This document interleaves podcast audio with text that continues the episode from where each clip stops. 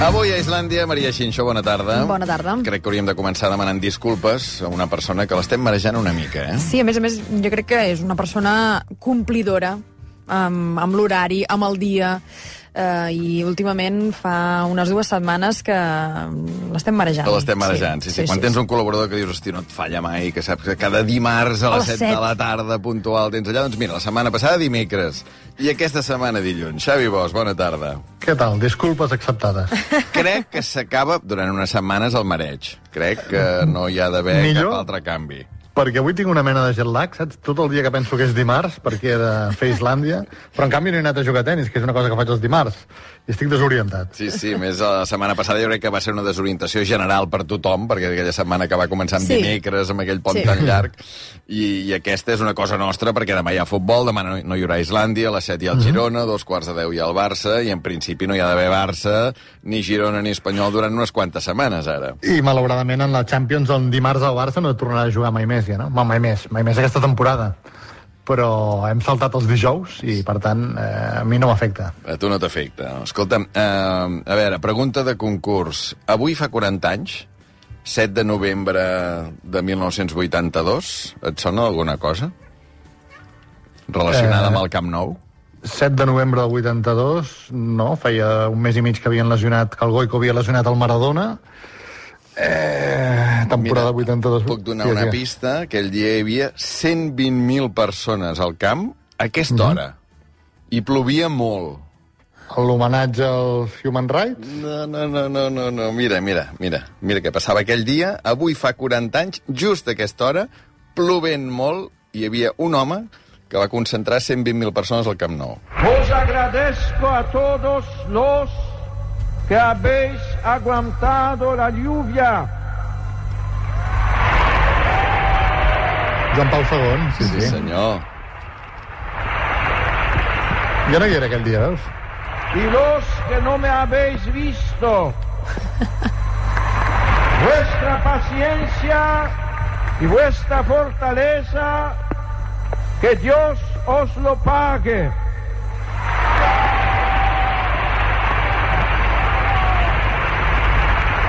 Públic agraït, eh? Bona nit a tots. Sí, senyor, i al moment Bruce Springsteen, Sí, sí, diguem, anava no? a dir, no li faltava dir Bona nit Barcelona. I igual que amb els concerts del Bruce, també ens va deixar la, la gespa, que no va servir mai més, eh? que vam haver de canviar la sorticada a la visita al papa. Eh? Clar, clar, és que si, si busqueu hi ha un vídeo de televisió espanyola que dura 50 minuts d'aquella missa que veureu realment que estava tot xop. Clar, eh, us heu d'imaginar un altar al mig del camp, just a davant de la llotja, diguem, l'altar estava situat a la part del, a la part del lateral, amb una mena de parquet que tapava un, un tros de gespa, però un diluvi, que és el que va acompanyar tota la visita del papa, i que em sembla que li van donar llavors el, el president Núñez li va donar el carnet de socis 108.000, eh, Joan Pau Sí. II. Sí, sí, ara estaríem als 140.000 ja. Exacte. En fi, això passava avui fa 40 anys al, al Camp Nou.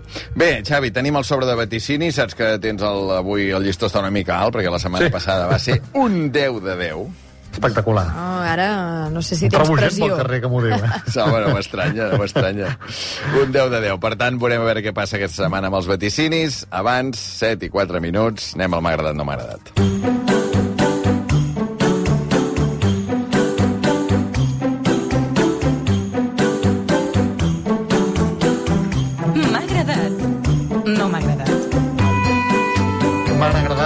Coses que es comencen a sentir a la cimera del clima de Sharm el-Sheikh.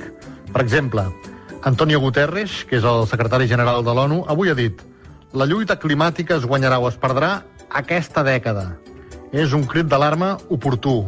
Bones paraules, millors intencions, 10 reunions, 8 ponències, 4 fotos, molts àpats. Segurament hi haurà un acord in extremis signat de matinada i fins a la propera cimera que ens diran que el nivell del mar puja cada 30 anys, que els nivells de CO2 no s'aturen, que el món es desinfla i, de nou, que la lluita climàtica es guanyarà o es perdrà en aquesta dècada. I així, de dècada en dècada, fins que l'estany de Banyoles ens càpiga el bidet de casa.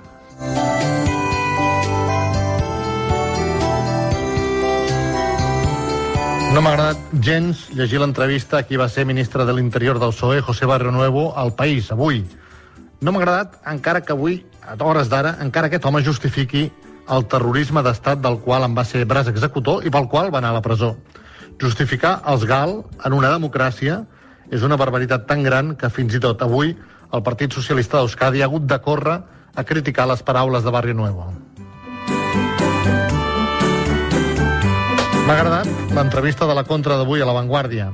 Li fan a Jaume Funes, que és psicòleg i és sobretot especialista en adolescents. I diu, per exemple, sobre les teràpies.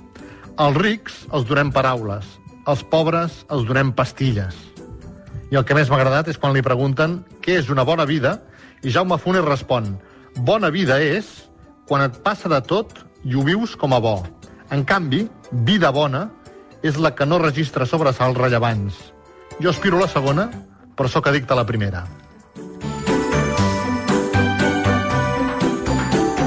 No m'ha agradat que en una mateixa setmana el major Trapero al Parlament i Joan Salvat, en una entrevista a l'Ara, ens hagin advertit del que ha passat als Mossos i a TV3 els últims anys. Han denunciat que la putineria política, les misèries de partit, les ingerències del poder malentès han fet que no tinguéssim els Mossos que ens mereixem i que TV3 renunciés a la neutralitat per haver agafat unes posicions polítiques i haver-les convertit en llibre d'estil. L'acusació de Trapero, que els polítics han fet una gestió dels Mossos clientelar, oportunista i poc democràtica és molt greu. I no se n'ha parlat prou. Ja s'entén que és més agraït socapar amb el podcast de Corina. M'ha agradat que Donald Trump asseguri ara que segurament es tornarà a presentar a les eleccions presidencials d'aquí dos anys. Millor, me n'alegro. Si no es presentés, no podríem celebrar la seva derrota. Finalment no m'ha agradat gens, tampoc, el sorteig de la Champions, i menys encara de l'Europa League. Que el PSG i el Bayern es matin entre ells vol dir que s'elimina de cop un rival menys pel Madrid. Pel que fa al Manchester United-Barça de l'Europa League, home, el que hauria de ser una final anticipada, la UEFA l'ha anticipat tant, tant, que l'ha posat per setzents de final. A veure si després de no arribar als vuitens de la Champions tampoc arribarem als vuitens de l'Europa League. Sempre ens quedarà la Lliga, i si no la Copa, i si no la Supercopa de Piqué d'Aràbia Saudita.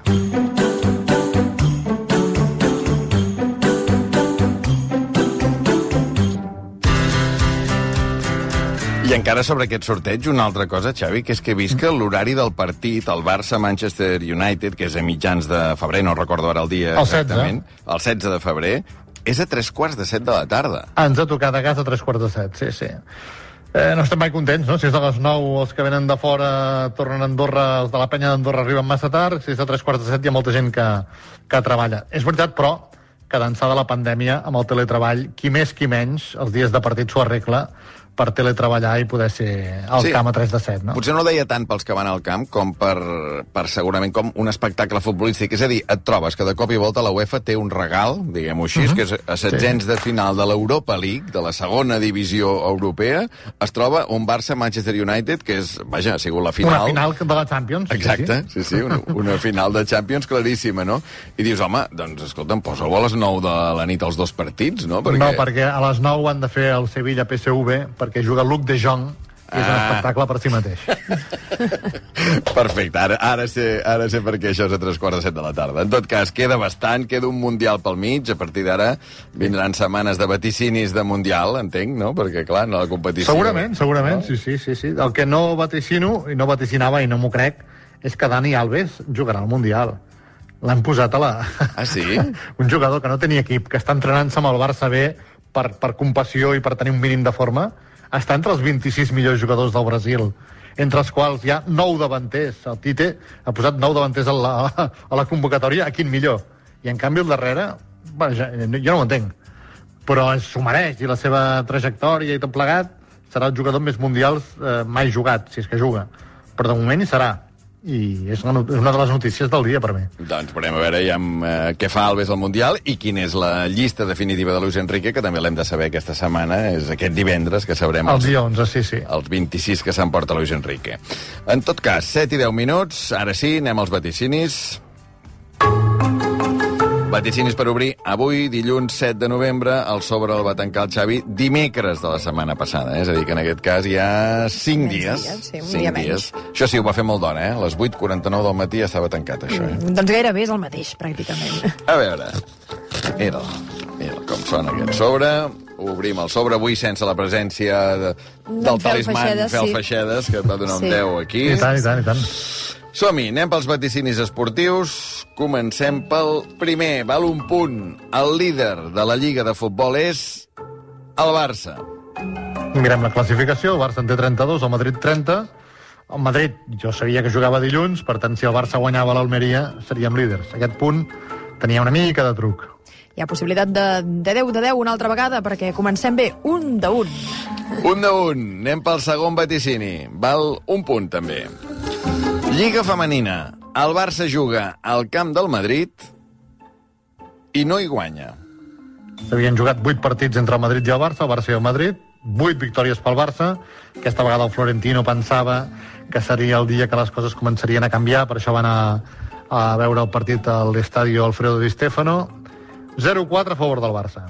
Doncs adeu al 10 de 10, però enhorabona... Una bona victòria, al- sí, exacte, al, al Barça femení. Un de dos. Un de dos. Tercer vaticini. Val dos punts. Champions.